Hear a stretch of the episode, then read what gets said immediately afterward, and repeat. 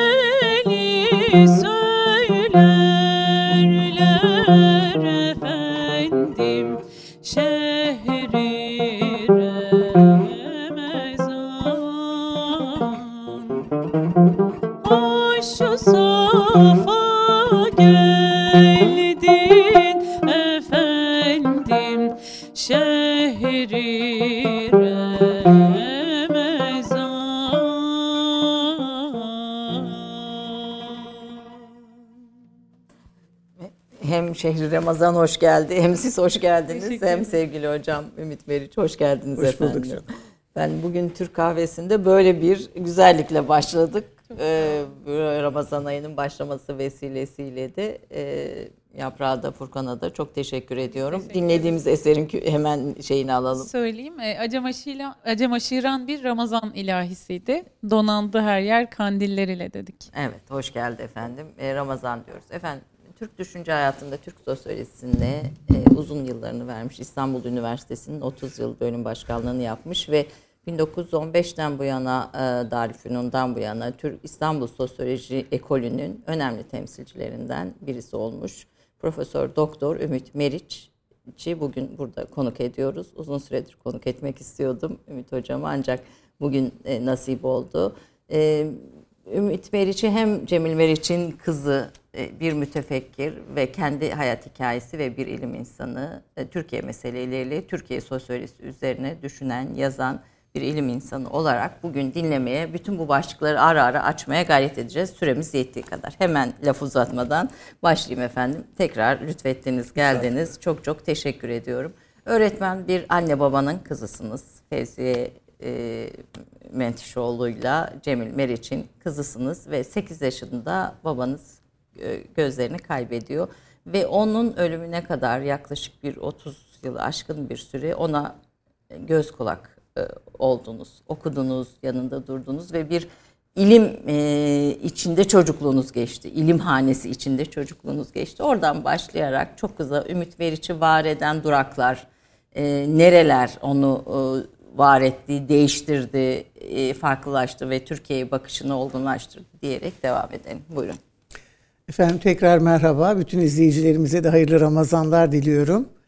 E, böyle mübarek nurlu bir e, ayda, Ayasofya'nın kapılarının teravihe açıldığı bir ayda sizinle olmak benim için de büyük bir zevk.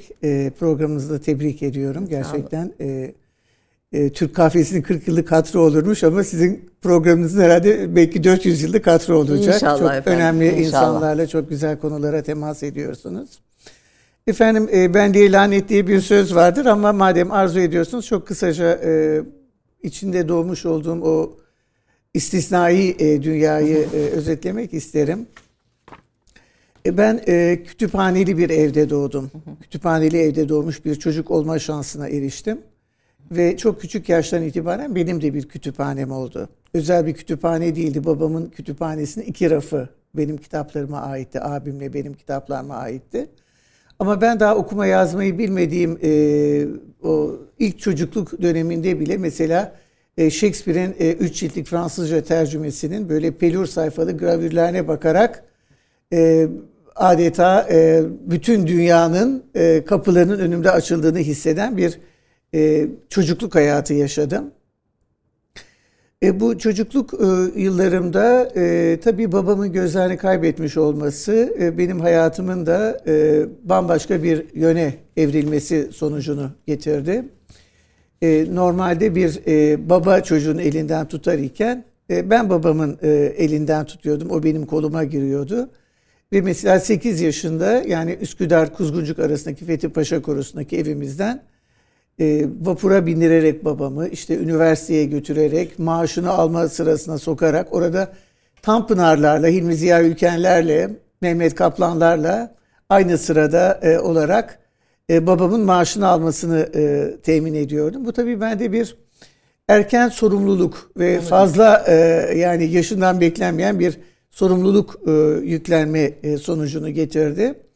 Bu e, sorumluluk duygusuyla e, vefatına kadar babamın e, hakikaten hep yanında oldum. 41 yaşınıza kadar yani bu böyle Aşağı yukarı. Evet, Evet, elimdeki e, notta 41 yaşınıza eyvallah. kadar babanızın yanında oluyorsunuz. E, bunun her faniye e, nasip olmayan bir şeref olduğunu düşünüyorum. Evvela tabii babam istisnai bir insandı. E, sonra benim ona hizmetim de istisnai bir hizmet idi. E, ve e, baba duası almış bir evlat olarak e, Rabbil Alemin'in karşısına çıkacağım için ayrıca çok bahtiyarım.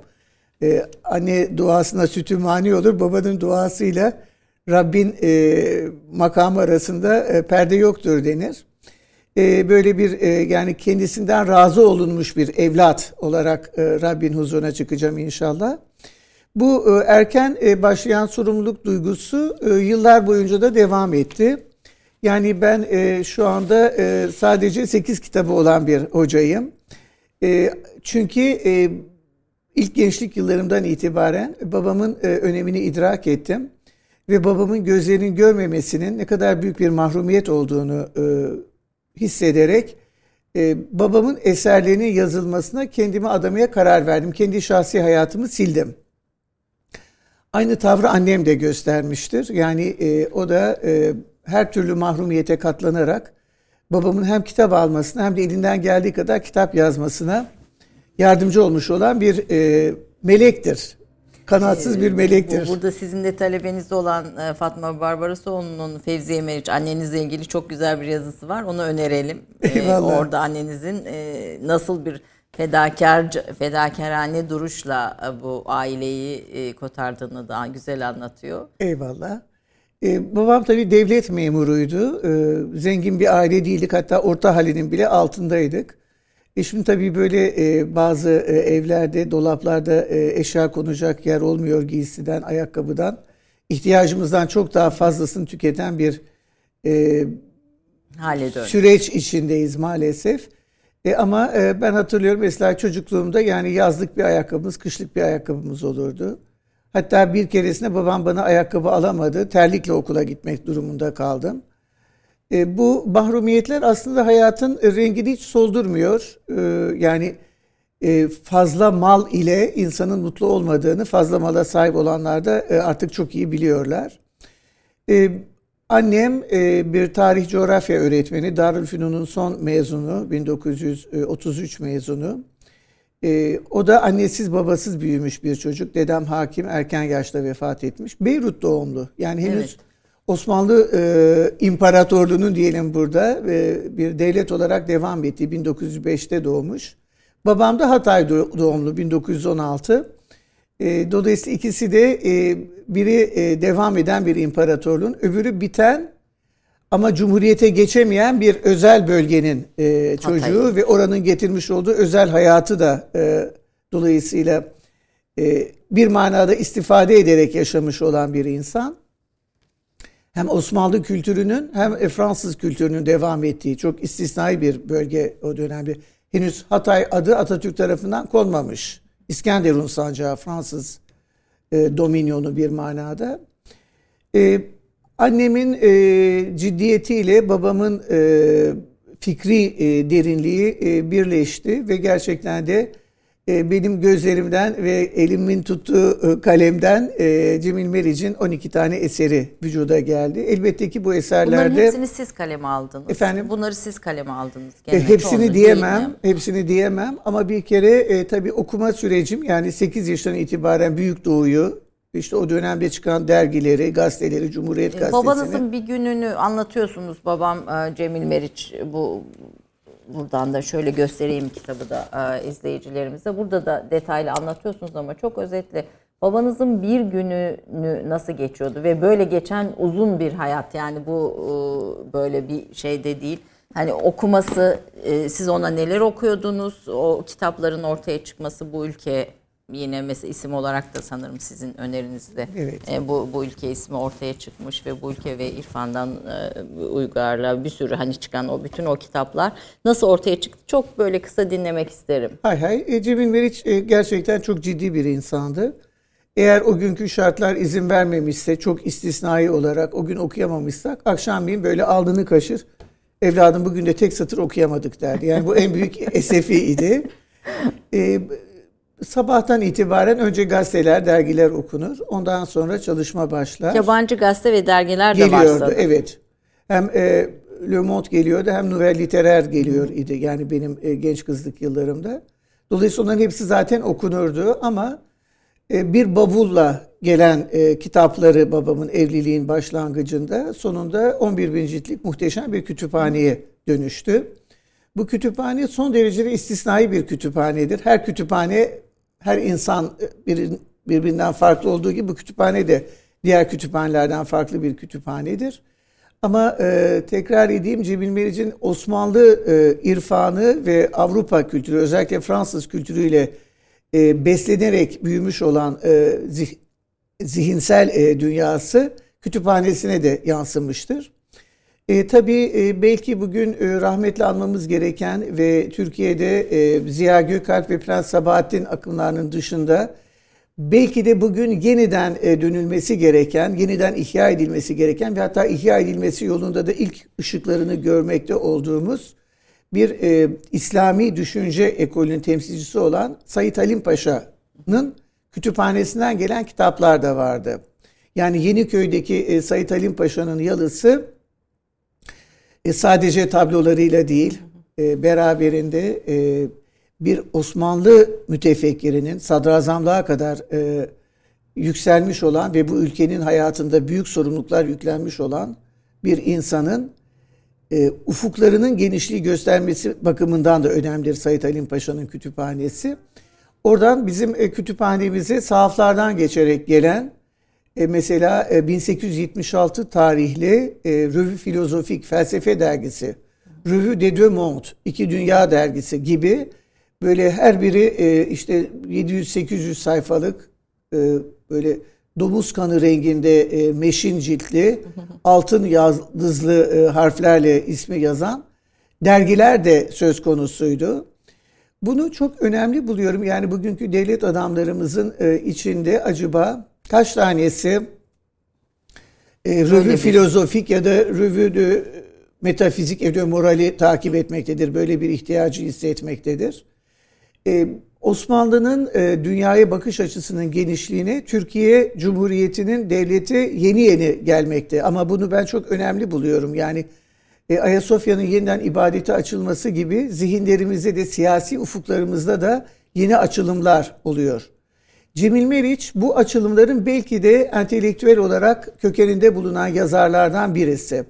Yani sahip olmuş olduğu bu Said Halim Paşa'dan ya da Ahmet Eşit Bey'den intikal eden kütüphaneler e, Cemil Meriç'in e, zihninde e, adeta bin bir türlü çiçek üzerinde dolaşan ve onun çiçek tozlarını toplayıp bal yapan arı gibi bir kovan güzelliği içinde kitaplarına yansıtılmıştır. E, dolayısıyla e, Cemil Meriç'in bir günlük hayatı dediğim gibi evladım bugün de tek satır okumadık esefiyle pek az geçen günü olmasına rağmen Kaç sayfadır bir günün ortalaması? e, bu gününe göre ve yapılan çalışmaya göre değişir. Eğer e, tercüme yapılacak bir metinse yani yüze yakın sayfa okunabilir. Hani insanın nefesi Yettiği kadar. dikkat asla sekmez. Hiç kaçırmaz mıydı Asla. babanız? Ve e, okurken kenarını çiz evladım. İşte mim harfi mühim manasına malum bizim eski evrakta konur. Orası tercüme edilecek olan esas kısımlardır. Bittikten sonra e, kitap ya da makale her neyse e, o e, tekrar okunur ve dur evladım der babam. E, taksitle alınmış Oliver marka bir daktilomuz vardı. E, sirkeciden alınmış. Kağıt koy evladım. Kağıtlar da e, rahmeti rahmana kavuştu. Özellikle Hint edebiyatının yazılmasına son derecede e, etkisi olan ve jurnalleri kendisine borçlu olduğumuz İzzet Tanju hakikaten nurlarda yatsın yakın zaman önce vefat etti. Babası Şehzadebaşı'nın muhtarıydı. O sırada e, seçimler oluyor, genel seçimler işte Demokrat Parti, CHP ve e, seçimlerin e, katılan adayların isimlerinin yazılı olduğu listeler var. Bunlar böyle üçüncü kağıt, e, üçüncü hamur kağıtlara basılmış olan şeyler. Seçim bittikten sonra onlar elinde kalırdı Talat Bey amcanın. İzzet abi onları getirirdi. Yani arkasında CHP ya da DP'nin e, bir kısmı da gayri... Yani kağıt israfı olmasın o, ya israfın ötesine kağıt alınacak para da olmadığı, Para da olmadığı için, için, evet. e, o kağıtlar e, Cemil Meriç'in e, tercümelerinin ilk e, malzemesi halinde kullanılır idi. E, bu şekilde tercümeler yapılır e, ve e, yani üzerinde çalışılan e, konu e, sonunda şöyle şu kadarlık bir belki bazen e, bir yekün tutar. Oradan tekrar oku evladım der. Baştan sona okuruz. E, daktiloya kağıt koy evladım. Tamam koyarız kağıdı. Ve da babam yazdırmaya başlar. Fakat bu yazdırma süreci nihai değildir. Yani aslında Cemil Meriç'in bu gerçekten Bilhur Kadeh'te e, bir zemzem güzelliğiyle e, okurunun çıkan karşısına kelimeler. çıkan e, makaleleri e, öyle birden oluşmamıştır. Bazen yani e, 10 kere 20 kere aynı e, metin üzerinde çalışılır. E, sonunda da hiçbir yazı bitmez evladım der babam. Koy zarfa gönder der genellikle başlangıç itibariyle. Cemil Merici e, Türkiye Çınar e, e, Hisar dergisinden Mehmet Çınarlı'nın dergisinden itibaren tanımaya başladı. Ondan evvel tabii Hint edebiyatı çıkmıştı. Saint-Simon çıkmıştı. Balzac ve Victor Hugo tercümeleri çıkmış idi.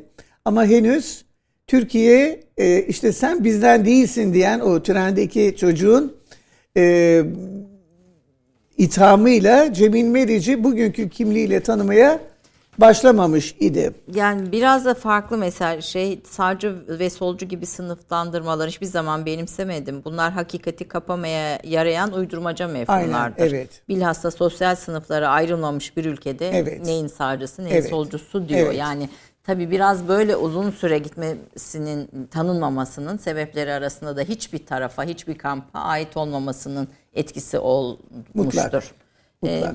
bir, bir de bir tespiti onunla ilgili paylaşmak isterim. Ee, Türk düşünce tarihinde ilk defa meseleleri duygusal ve onlara atfedilen manalarla değil de fikri mesele olarak, bir fikir meselesi olarak e, sorunları ele alan ilk düşünürümüz Eyvallah. babanız. Yani belki bu da ağır bir fikir çilesi, işçiliği ve e, işte tanınmamasının sebepleri arasında yer alabilir. Evet o dönemde tanınmamasının ama bugün tanınmasının sebebi. Evet, E, buyurduğunuz gibi yani e, Cemil Meriç e, sağ ve sol üstünde kanat çırpan bir entelektüel.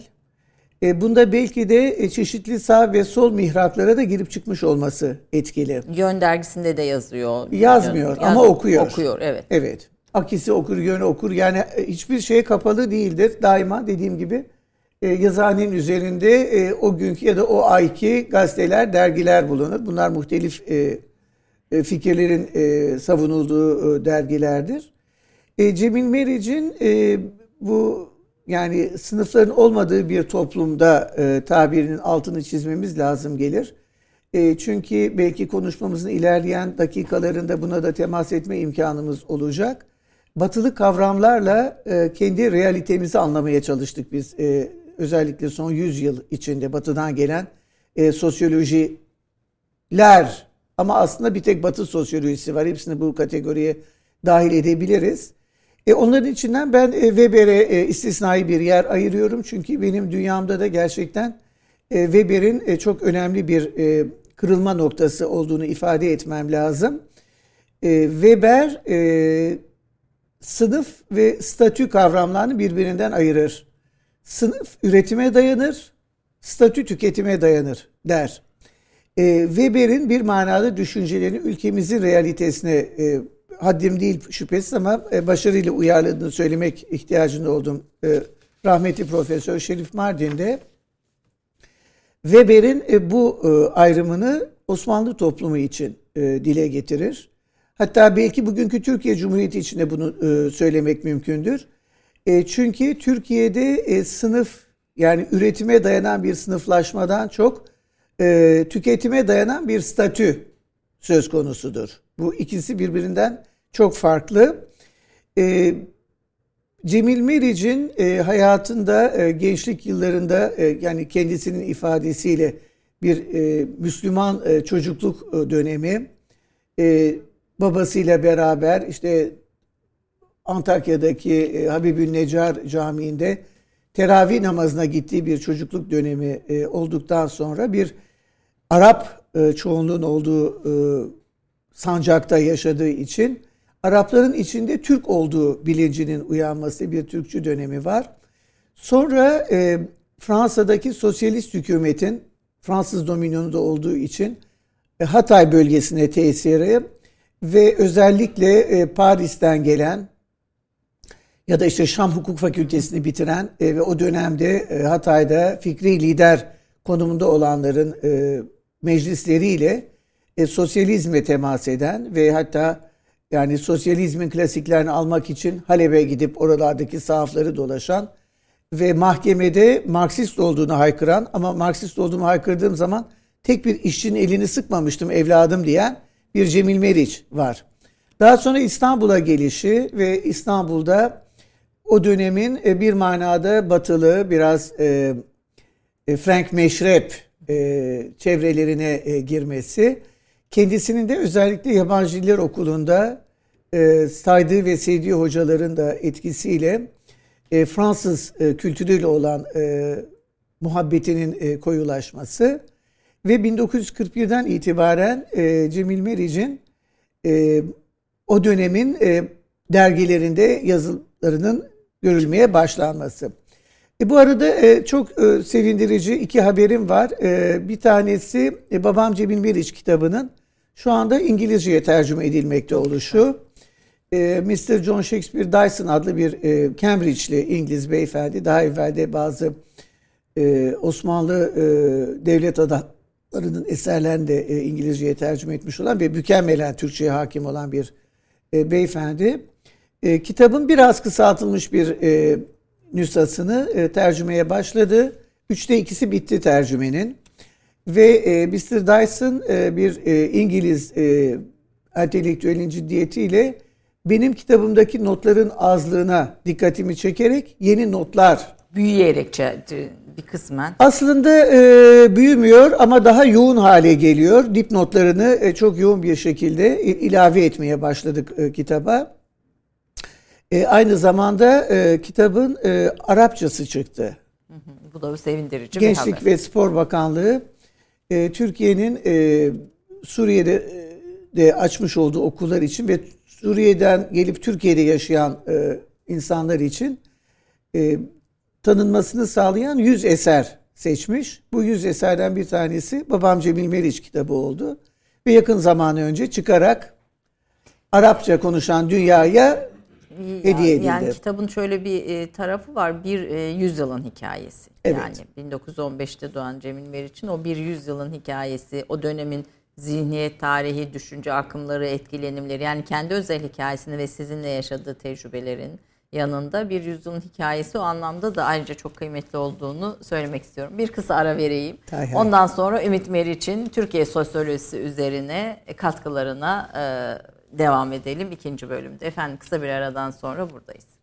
Ümit Meriç 16 Aralık 1946'da İstanbul Üsküdar'da doğdu. Yazar ve düşünür Cemil Meriç ile coğrafya öğretmeni Fevziye Meriç'in kızıdır. 1952 yılında başlayan ve ilk 4 yılı Şişli Terakki İlkokulu'nda geçen ilk öğrenimini 1957 yılında Üsküdar Sultantepe İlkokulu'nda tamamladı. Ortaokul ve liseyi Çamlıca Kız Lisesi'nde okudu.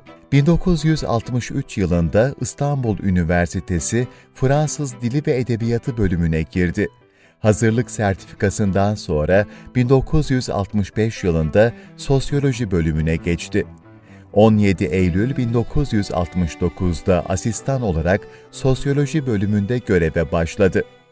Cevdet Paşa'nın Cemiyet ve Devlet Görüşü başlıklı teziyle 22 Temmuz 1975'te Edebiyat Fakültesi Sosyoloji bölümünden doktorasını aldı. 1982'de Edebiyat Fakültesi Sosyoloji bölümünde yardımcı doçentlik kadrosuna atandı. Ümit Meriç 1985'te doçent, 1992'de profesör oldu. 1993-1996 yıllarında Sosyoloji Bölüm Başkanı, 1996-1999 yıllarında Sosyoloji Araştırma Merkezi Müdürü, 1991-1999 yıllarında Sosyoloji Bölümü Kurumlar Sosyolojisi Anabilim Dalı Başkanı olarak görev yaptı. 1999 yılında emekli oldu. Ümit Meriç'in Cevdet Paşa'nın Cemiyet ve Devlet Görüşü, Babam Cemil Meriç, 21. yüzyılın eşiğinde sosyoloji konuşmaları, Türkiye kanatlarınızın altında Selma Karışman'la birlikte yazdıkları Ebediyetin Huzurunda Ahmet Hamdi Tanpınar, Dualar ve Aminler, İçimdeki Cennete Yolculuk, Seyyahların Aynasında Şehirlerin Sultanı İstanbul ve Işık Batı'dan da Gelir başlıklı kitapları vardır. Ee, Efendim babanız ışık doğudan gelir diyor ama sizin en önemli farkınız mı? Işık batıdan da gelir diyorsunuz. Eyvallah. Da gelir. Da işte Sadece batıdan, batıdan da değil, gelmez. batıdan da evet Da o, o gelir. dağı ilave etme sebebinizi dinlemek isterim. Eyvallah. E, şimdi tabii e, Türkiye'ye sosyoloji e, batıdan geldi. Ve e, yani Ziya Gökalp'le beraber e, Darülfünun'da önce sonra e, üniversitemizde bir e, ilim dalı olarak kendine yer buldu. Bu bizde bundan önce e, sosyal düşünce yok muydu sorusunu akla getiriyor. Ve tabii ki bu kocaman soru işaretinin arkasından da hemen bir cevap geliyor. Elbette vardı. Batıdan gelen ışığa gözlerimizi kapamamak mecburiyetindeyiz. Ama asıl kendi tarihimizden gelen o e, gün ışığına pencerelerimizi, kapılarımızı bütünüyle açmak mecburiyetindeyiz. Bu e, bir e, mecburiyettir. Hem kendi tarihimize ve kendi geleceğimize karşı hem de dünyanın geleceğine karşı üzerimize düşen bir görevdir. Biz e, genelde ilmin batının tekelinde olduğunu kabul ederek ve zihin dünyamızda batının kavramlarına ve teorilerine uygun olarak kurarak aslında yüzyıllık bir hüsran yaşadık. Bu kendi e, tarihimizde olan e, kopukluğun getirdiği bir hüsran idi. Ben e, az evvel bahsettiğim gibi Cemil Meriç'in e, Shakespeare'le e, donatılmış kütüphanesini hayata gözlerini açmış bir çocuğum. Ve babamla beraber yaptığımız okumalar hep Fransızcadan ve İngilizceden idi. Dolayısıyla benim için bir döneme kadar ışık saydam dağsız olarak batıdan Geldi. geliyor idi. Bu e, Batı ile olan e, irtibatımın e, az evvel bahsettiğim Weber'le de devam ettiğini e, söyledim. Weber'e e, çok büyük bir saygım var. E, çünkü Weber e, batılı sosyologlar içinde batı dışındaki dünyayı da anlamaya ve anlamlandırmaya çalışmıştır. Kendisi zihniyetle ekonomik yapı arasındaki ilişkiyi önce batıda aramıştır. Yani neden protestan ülkeler bu kadar e, zengin, katolik ülkeler aynı derecede zengin değil? E, yani kapitalizmin altında yatan sır nedir sorusunun cevabını aramıştır. Ve şöyle bir cevap getirmiştir. Bu tabii e, günümüzde kapitalizm aşağı yukarı çarpık kapitalizmle bera- beraber e, global bir sistem halinde dünyayı e, kavradığı için, kucakladığı demeyeceğim, kavradığı için bütün beşeriyetin cevabını araması gereken bir sorudur. Neden kapitalizm bu kadar başarılı oldu? Protestan kapitalizm neden bu kadar başarılı oldu? Weber bu sorunun cevabını şu şekilde veriyor. Aslında e, kapitalizm ahlak dışı bir sistem ama kapitalizmin protestan ülkelerde bu kadar gelişmiş olmasının temelinde ahlaki ve dolayısıyla dini bir sebep var. Çünkü e, protestanlıkta e, insanlar e, hayatlarının sonunda Allah'ın rızasını kazanıp kazanmamış olduklarının cevabını kazanmış oldukları maddi servetle ölçerler. Dolayısıyla e, zenginlik bir yerde Allah'ın indinde makbul olmanın ilmidir. Bizim kapalı çarşının üstünde dedi mi e, Allah'ın e, sevgilisidir kazanan Yazar. yazar. E, çok güzel bir hattır aslında o. E, Ben bilmiyordum dikkatle bakacağım. tabii tabii e, Beyazıt evet. tarafından girişinde fi- yani tam Arapçasını e, yanlış söylemekten korktuğum için e, telaffuz etmiyorum ama Evet. Allah kazananı sever. Evet. E, protestanlarda da Allah kazananı sever ve fakat bu para harcanmak için değildir. Bu para tekrar Yatırılmak, topluma geri döndürmek içindir. Ticari ve iktisadi hayata döndürülmek içindir. E, Weber'in e, kurmuş olduğu bu e, denklemi diğer medeniyetlerde de aramaya devam ettiğini görüyoruz. Mesela antik Çin'le ilgileniyor. Antik Judaizmle, Yahudilikle ilgileniyor. Ve bunların kitaplarını da kaleme alıyor. Koca koca kitaplar yazıyor Weber. Ben e, doktora e, arayışı sırasında Weber'in bu e, kurduğu denklemin İslam ahlakıyla yani kapitalist ahlakla İslam ahlakı arasında bir bağlantı kurulup kurulamayacağı sorunsalına getirerek arama gayreti içine girmiş idim. Bu e, arayış e, içindeyken e, birdenbire e, tezimi yaptığım hoca vefat etti ve Köse Mihal nurlarda yatsın. O da Türk sosyolojisinde önemli bir isim. Tabii Çok şüphesiz. E, özellikle o ışık batıdan gelir cephesinin Ekolünün temsilcisidir. temsilcisi. Evet. E, ışık e, doğudan da var mı orada geliri Cahit Tanyol hocamız temsil ediyordu ve nitekim o bana e, Weber üzerindeki çalışmalarım devam ederken Almanca bilmediğim için ki ben İngilizce ve Fransızcadan bütün Weberleri devirmiştim o sırada. E, Almanca bilmiyorsun sen onu bırak ve e, Cevdet Paşa üzerinde çalış dedi. İyi ki Almanca bilmiyormuşum. İyi ki Cevdet Paşa üzerinde çalışmaya başlamışım. Cevdet Paşa e, Ahmet benim Cevdet için Paşa evet e, tarihimize tutulan e, bir projektör oldu ve ben e, tarihimizin liselerde öğretilmekte olan Emin Oktay'ın tarih kitaplarından çok farklı bir derinlikte ve genişlikte olduğunu Cevdet Paşa'yı okudukça keşfettim. E, Cevdet Paşa dolayısıyla benim e, batıdan gelen ışığa kapılarımı kapatmama sebep olmadı ama asıl kendi tarihimden ve dolayısıyla kendi tarihimin e, mihverini teşkil eden İslamiyet'ten gelen aydınlığı keşfetmeme sebep oldu. Ben e, Avrupa toplumları ile Osmanlı toplumunun dolayısıyla onun bir devamı olarak bugünkü toplumumuzun birbirinden ne kadar farklı olduğunu Cevdet Paşa'yı okuduğum sürede öğrenmiş oldum. Ve tabii 12 ciltlik tarihi Cevdet, 4 ciltlik tezakir, İbn Haldun'dan yapmış olduğu e, mukaddimenin belli kısımlarının tercümesi, Kısası Enbiya okumalarım sonunda anladım ki ben bambaşka bir tarihin, bambaşka bir coğrafyanın, bambaşka bir değerler dünyasının insanıyım. Ve e, bin bir tane Kur'an-ı Kerim yazan bir büyük dedenin torunu olduğumu, Hafız İdris Efendi'nin torunu olduğumu o zaman idrak ettim. Lavoisier'in meşhur bir e, kanunu vardır malumunuz. Tabiatta hiçbir şey kaybolmaz ve hiçbir şey yeniden var olmaz. Ben e, kendi hayat sürecimde almamış olduğum İslami terbiyenin 30 yaşından sonra şahsiyetimdeki e, çiçeklenmesini Hafız İdris Efendi'nin benim doğumumdan belki 100 yıl evvel yapmış olduğu duaların sonucu olduğunu inandım. E, dualar kalıyor.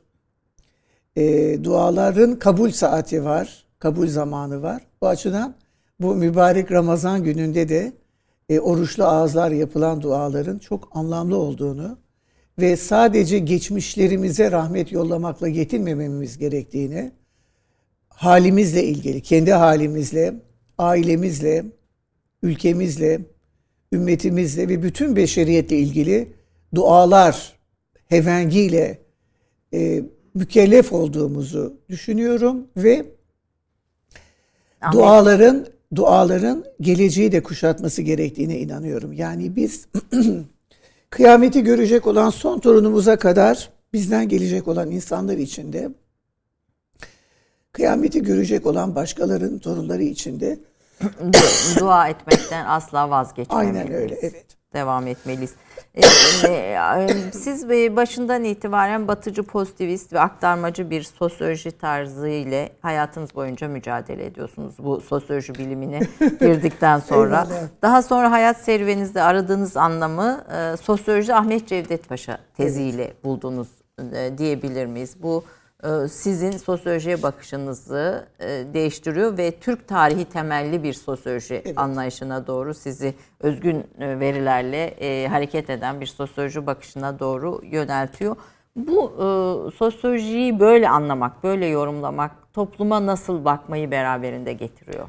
Eyvallah. Bu tabii genel olarak insanımızın da dünyaya bakışıyla ilgili bir şey. Yani batılılaşma sürecindeki Türkiye kendi değerlerinden uzaklaşarak batıya da entegre olamayarak şu anda belli kesimleri e, bir tarafa e, koyarsak biraz e, kimlik olarak ortada kalmış vaziyette. Biz tabii bu batılılaşma sürecini yanlış yorumlayarak, yanlış alarak bizim tarihten gelen değerlerimizi bir manada yok sayarak böyle bir dünyadaki yerini arama çabası içinde olan bir topluma ve bir kimliğe dönüştük. Tabii ki akıl ve duygu e, bilgimizin kaynakları ama biz vahyin e, bilgisinden kendimizi mahrum ettik. Vahyin bilgisinden mahrum kalınca değerler dünyamızdan da uzaklaşmış olduk. Dolayısıyla e, bir yeniden fetih harekatına adeta bir e, gavurca tabirle söylersen bir reconquista harekatına ihtiyacımız var. E, çünkü nasıl e, Endülüs medeniyetini Katolik Avrupa e, adım adım geriye püskürttüyse nasıl bir e, uzun yıl, yüzyıllar boyunca süren bir Endülüs medeniyetini e, yok ederek onun e, aslında mirasına da e, konarak bir Reconquista harekatına girişti ise bizim de aynı şekilde yeniden bir İslam'ı e, fetih harekatına girişmemiz lazım. Bunu yaparken vahyin bilgisinden mutlaka istifade etmek mecburiyetindeyiz.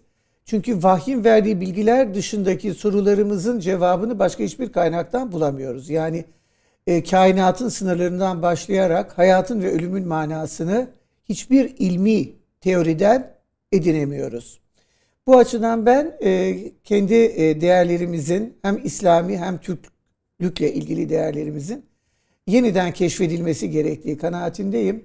Hatta e, Türkiye Büyük Millet Meclisi'nin kuruluşunun e, seneyi devriyesi dolayısıyla yapılan bir soruşturmada dedim ki ben elbette Türkiye Cumhuriyeti'nin meclisin açılışının e, tebrikini yapıyorum ama ben asıl e, İsa'dan önceki 400 yıllardan beri var olan Hun devletinin günümüze kadar akan devlet bilincini de tebrik ediyorum. Yani biz e, cami avlusuna bulunmuş bir toplum değiliz. Bizim gerçekten de binlerce yıl önceden gelen bir tarih şuurumuz ve yine binlerce yıl önceden gelen bir değerler şuurumuz var. Bunları e, kazanmamız, yeniden e, fethetmemiz sadece kendi toplumsal kimliğimiz açısından değil, beşeriyete de götürecek tekliflerimiz olması açısından önemli. Bu, burada e, Türkiye'de sosyoloji tarihi Ziya Paşa ile değil Cevdet Paşa ile başlamalı diyorsunuz. Bu önemli bir tespit ama daha sonra İslami sosyolojik yaklaşımınızı derinleştirmeye yöneliyorsunuz. Tam da bu sebeplerle. Evet. Ama bu sizin için hayatınızda bir başka hocayla da oluyor. Yani Eyvallah. bir değişimle oluyor. Sosyolojiye 30 yılımı verdim, 3 talakla boşadım evet. dedin diyorsunuz. Aslında şimdi önerdiğiniz şey bu üç talakla boşadıktan sonraki e, sosyolojiye bakışınızı da e, biraz ortaya koyuyor. E, bir manevi babanız da var Eyvallah. orada Muzaffer Ozak Hoca. Biraz ondan da söz edin isterim. Ama önce bir eser dinleyelim mi böyle hay bir hay. kısaca bir bir dinlenme e, molası olarak. Evet. Ee, şimdi bir rast eser seslendireceğiz. Münir Nurettin Selçuk'a ait. Gül yüzünde göreli Zülfü Semen Sahi Gönül diyeceğiz. Ne güzel. bir pay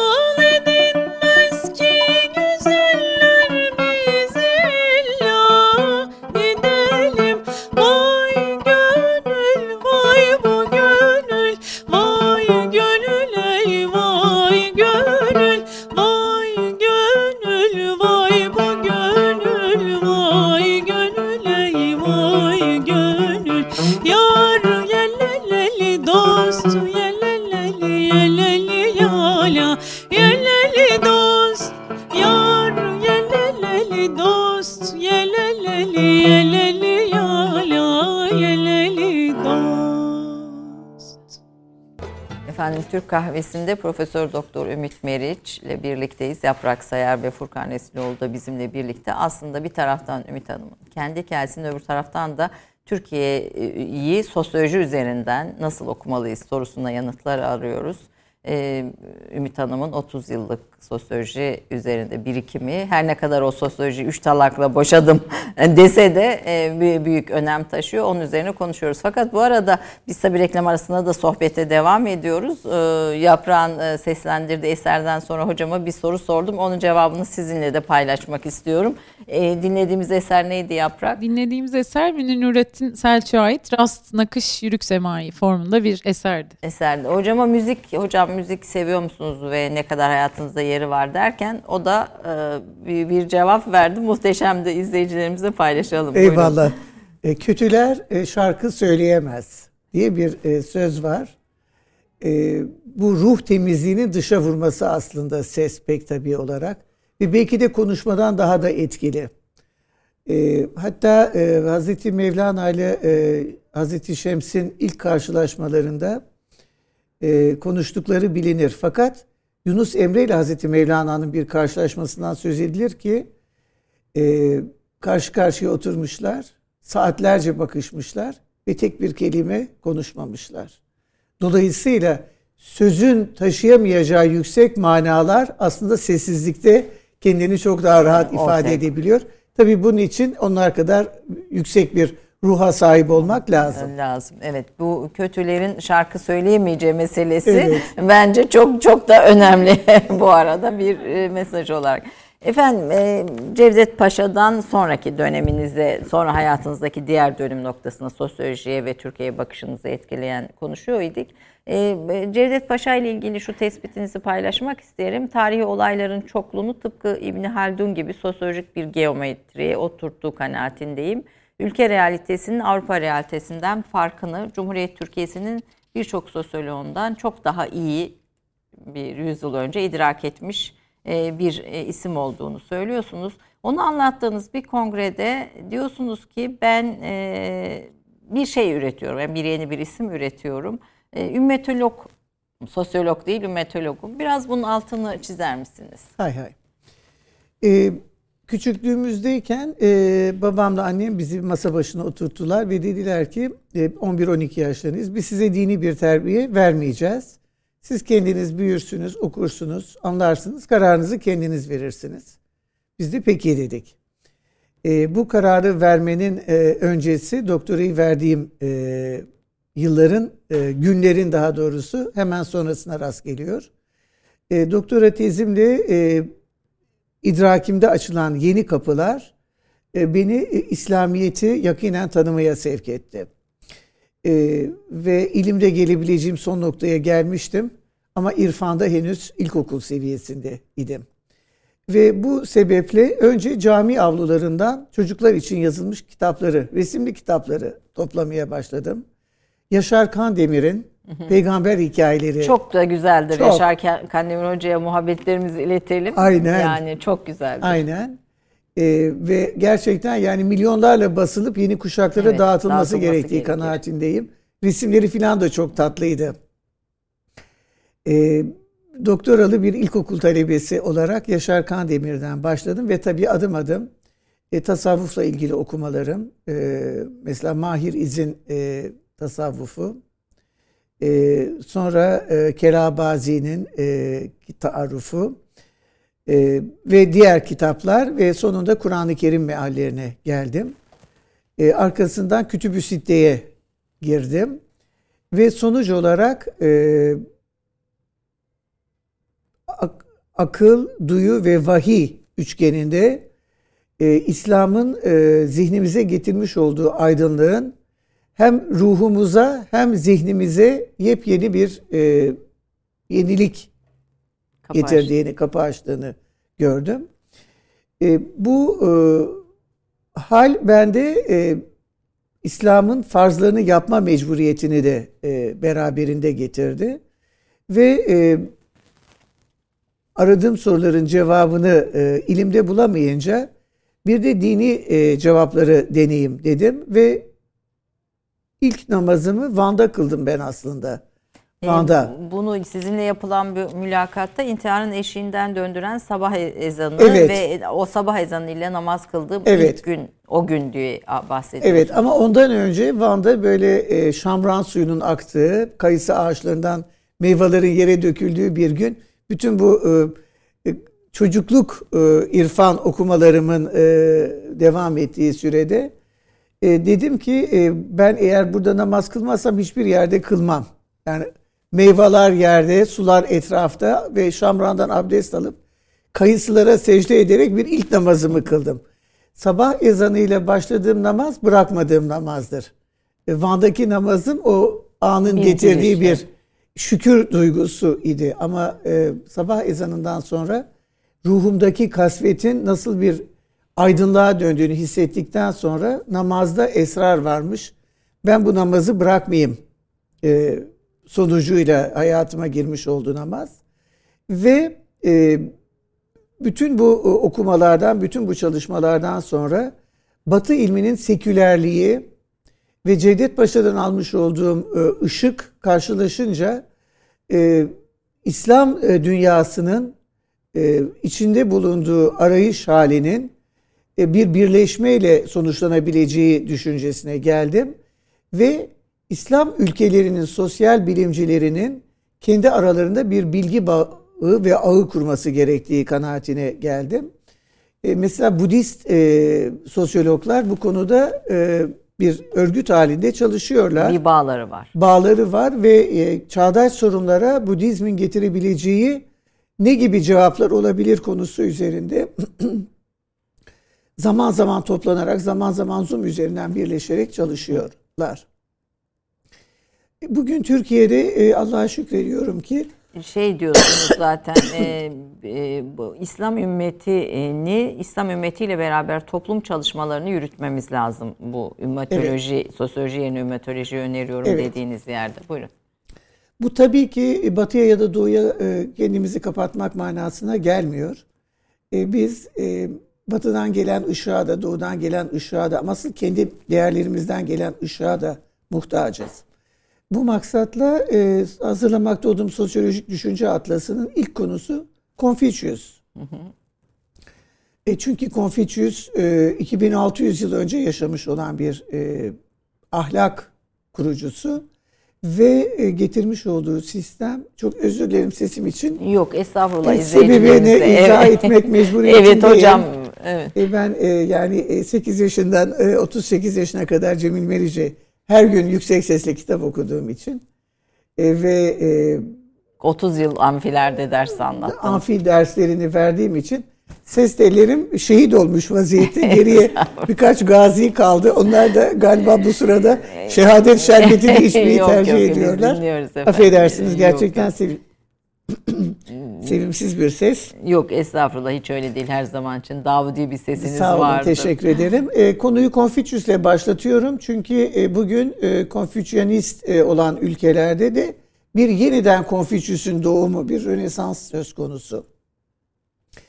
Bu e, günümüzde e, mesela Güney Kore, e, Japonya ve Çin e, Mao'dan sonra Mao e, benim e, sosyolojik düşünce atlasımda Mao Marx'ın çocuğudur fakat Konfüçyüs'ün torunudur diye bir cümlem var.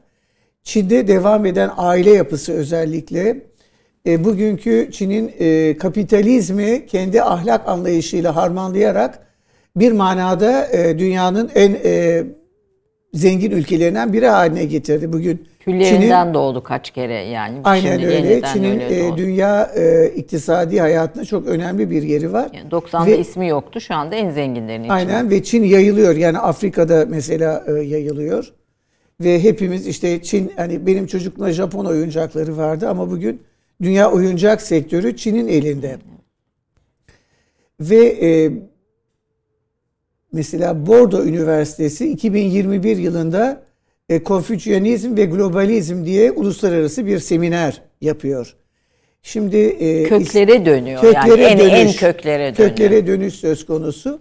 Deminden Reconquista tabirini e, kullandım. E, bizim de mesela e, İbn Haldun Üniversitesi'ndeki rektörü, e, bundan önceki rektörü benim asistanım da çok e, sevdiğim ve saydığım bir insandır ve burada sizlere e, tanıtmak için getirdiğim Türkiye'de sosyolojinin 100 yıllık birikimi Erkan Çav'ın e, yapmış olduğu bir e, toplantının e, dökümüdür bu kitap. Çok önemli bir Evet. e, Şöyle göstereyim Evet, hocam. çok önemli bir e, muhassıla eski tabirle eğer söylersek. Muhassıla Türkçeleşmişini de söylerseniz. Eyvallah, özeti diyelim, Peki. e, değerlendirilmesi diyelim. Mesela burada Recep Şentürk'ün çok önemli bir makalesi var. Bir asistanım olması e, itibariyle iftihar ettiğim bir insan. Ve bir manada da düşüncelerimin e, gelişmesini e, kendi şahsında gördüğüm bir insan. E, İbni Haldun'un e, 600. e, ölüm yıl dönümünde 2006'da UNESCO tarafından İbni Haldun e, yılı ilan edildi. İbni Haldun e, Üniversitesi'nin e, başkanlığında da bir İbni Haldun e, örgütü kuruldu diyelim İbni Haldun'un düşünceleri üzerine ve e, uluslararası toplantılar yapılarak bir manada İbni Haldun'u bugüne nasıl anlatabiliriz? İbni Haldun'dan bugüne neler kaldı sorusunun cevabı arandı. Yani e, Budistler kendi aralarında sosyal bilimciler olarak toparlanır iken e, Konfüçyanistler kendi aralarında sosyal bilimciler olarak toparlanırken Müslüman sosyal bilimciler de İbn Haldun'un ismi etrafında toparlanmaya e, başladılar.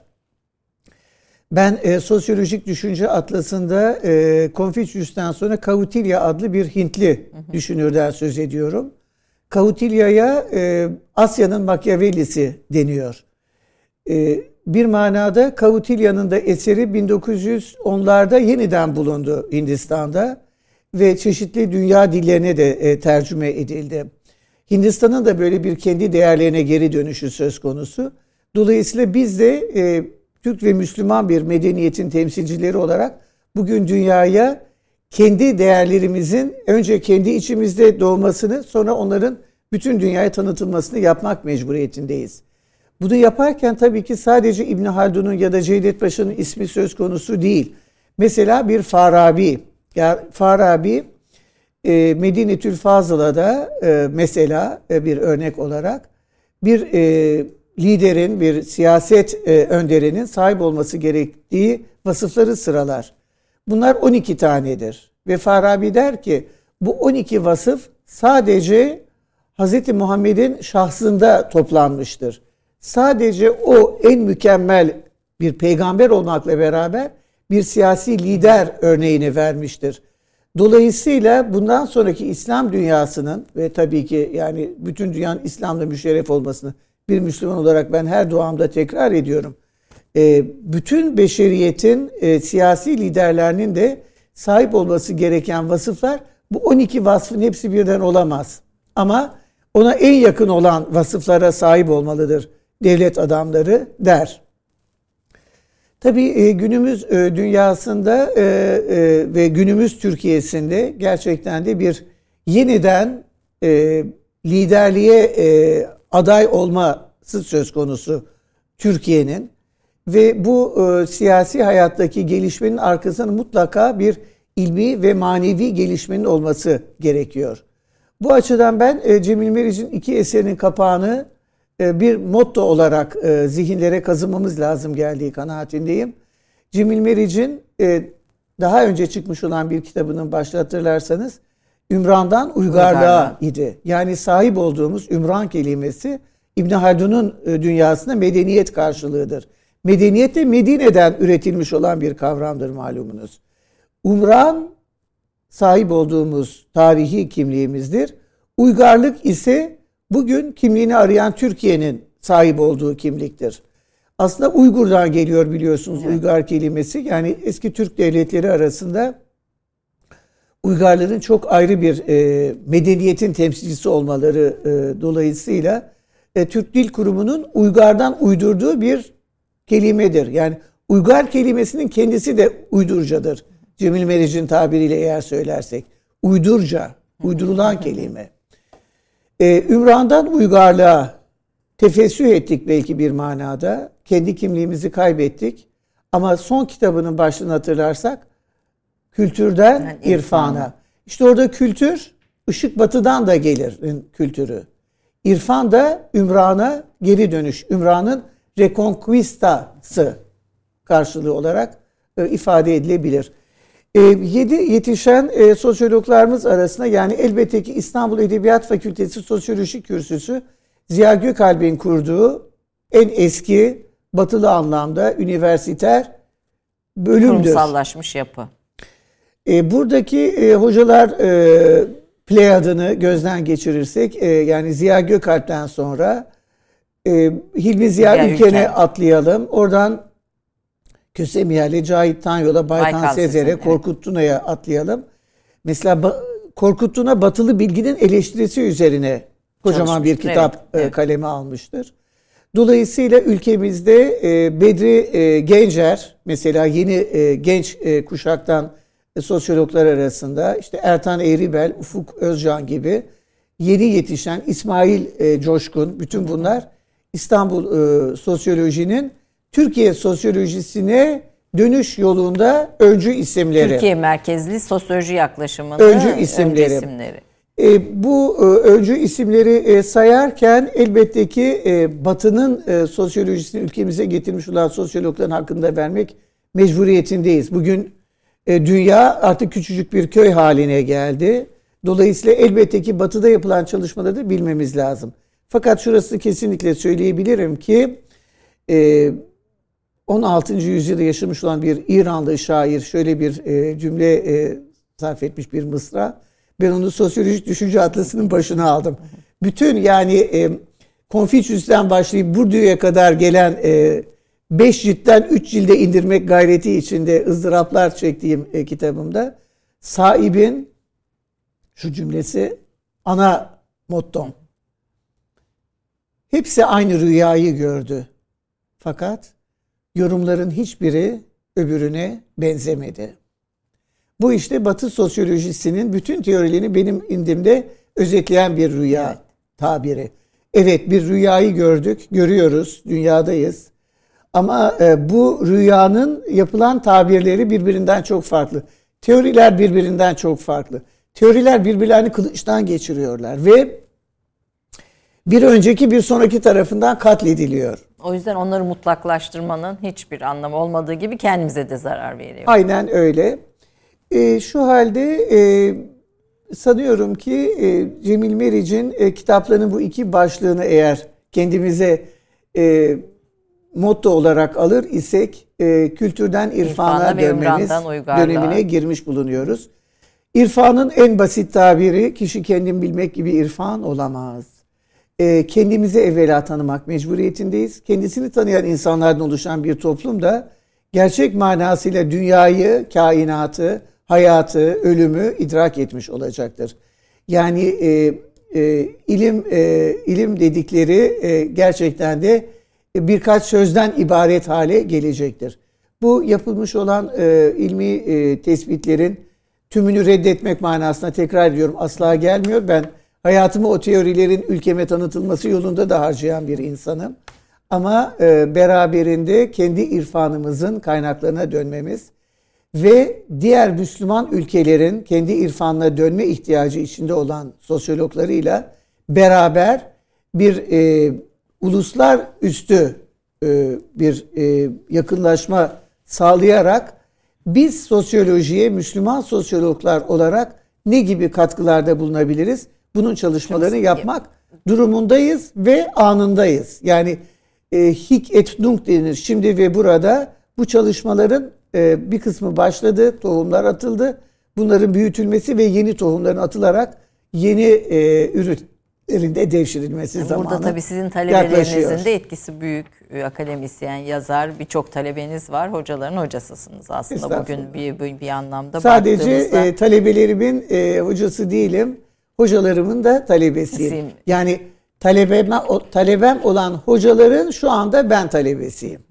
E, teneşürdeki kimliğimi, kürsüdeki kimliğime te- de- tercih ettim diyorsunuz. Başörtüsü de sizin hayatınızda bir başka e, dönüm noktası oluyor. Çok kısa bunun e, sizin için öne- e, önemini Eyvallah. söylerseniz sevinirim. Torununuz var, çok güzel bir kızınız var Hazal. Ee. Böyle e, Hazal doğduğunda şey demiştiniz bir televizyon programında sizi konuk etmiştim o zaman da. Ee, geçmiş Hazreti Adem'den beri devam eden e, insanlık silsilesinde halkamı e, yerine oturttum. Halkamı buldum demiştiniz. Varlık zincirimdeki yerimi, yerimi buldum. buldum demiştiniz. Torunda ne hissediyorsunuz onu da merak ediyorum. Eyvallah. E, torunum için ettiğim dualar mahfuz kalsın müsaadenizle. Aslında o bütün e, beşeriyet için edilmiş dualardır. E, ben e, ne bildimse secdede öğrendim diyen bir arifin e, bir manada e, talebesiyim. E, secdenin çok önemli bir e, bilgi kaynağı olduğu kanaatindeyim. E, beraberinde duanın da düşüncenin en üstün şekli olduğu kanaatindeyim. E, dolayısıyla e, fikirlerle, e, düşüncelerle e, ruhumuzun e, dalgaları arasında bir irtibat olduğu kanaatindeyim. Yani aklımız, duygularımız ve ilham perilerimiz birbirinden kopuk değil. Nitekim e, Dualar ve Aminler başlıklı bir Evet. kitabım var benim Bunu da biliyorsunuz. hemen Ramazan'da önerelim ve çok Evet. da güzel, çok e, ne diyeyim özel dualar. Eyvallah. Özel Tabii dualar. şu anda e, Ramazan'dayız. Dolayısıyla oruç e, idraki içindeyiz. İçindeyiz. Orucun e, insan için ne kadar önemli olduğunu e, bir kere daha dile getirmek istiyorum. Ve e, bir formüle bağlamak gerekirse oruç insanın melekleşme provası. Bir manada e, dünyevi kimliğinden ebedi kimliğine e, hicret etmesi ve e, bir manada da e, insan kimliğinden kul kimliğine e, yükselmesi. E, melekleşme provası yemeden içmeden her türlü fiziki e, ihtiyaçtan beri hale gelerek ölümsüz olan benle ölümlü olan benin tanışması. O açıdan e, Ramazan ayının gerçekten çok önemli bir ay olduğunu, Duayı e, irfana e, giden e, kapının kilidi olduğunu e, düşünüyorum ve e, bütün e, oruç tutanlara da bu e, oruç e, süresince melikleşmiş olmanın idraki içinde olmalarını temenni ediyorum. Efendim ne güzel bir dua. Hepimiz amin diyelim. çok çok teşekkür ediyorum. Ee, Daha başka bir programda bunun devamını getirmek lazım. Şu an sadece sizin bakış açınıza, sizin çalışmalarınıza bir giriş yapabildik süremiz içinde. Lütfettiniz, geldiniz efendim. Dua buyurdunuz. Bu da bizim için en çok kıymetli. Ee, Ramazan nedeniyle de biraz böyle süreler e, çok daha esnek olamıyoruz. O yüzden de kusura bakmayın diyorum. Tekrar teşekkür ediyorum. Yaprak vakit varsa yapraktan bir eserle finalleyelim. Ee, Vaktimiz var herhalde. var. Buyurunuz Ee, efendim. son olarak bir Alaaddin Yavaşça hocamıza ait bir Rahmet eser olsun. seslendireceğim. Rahmet olsun. Rahmetle anıyoruz. Gönül aşkından oldu pare pare diyeceğim. Gönül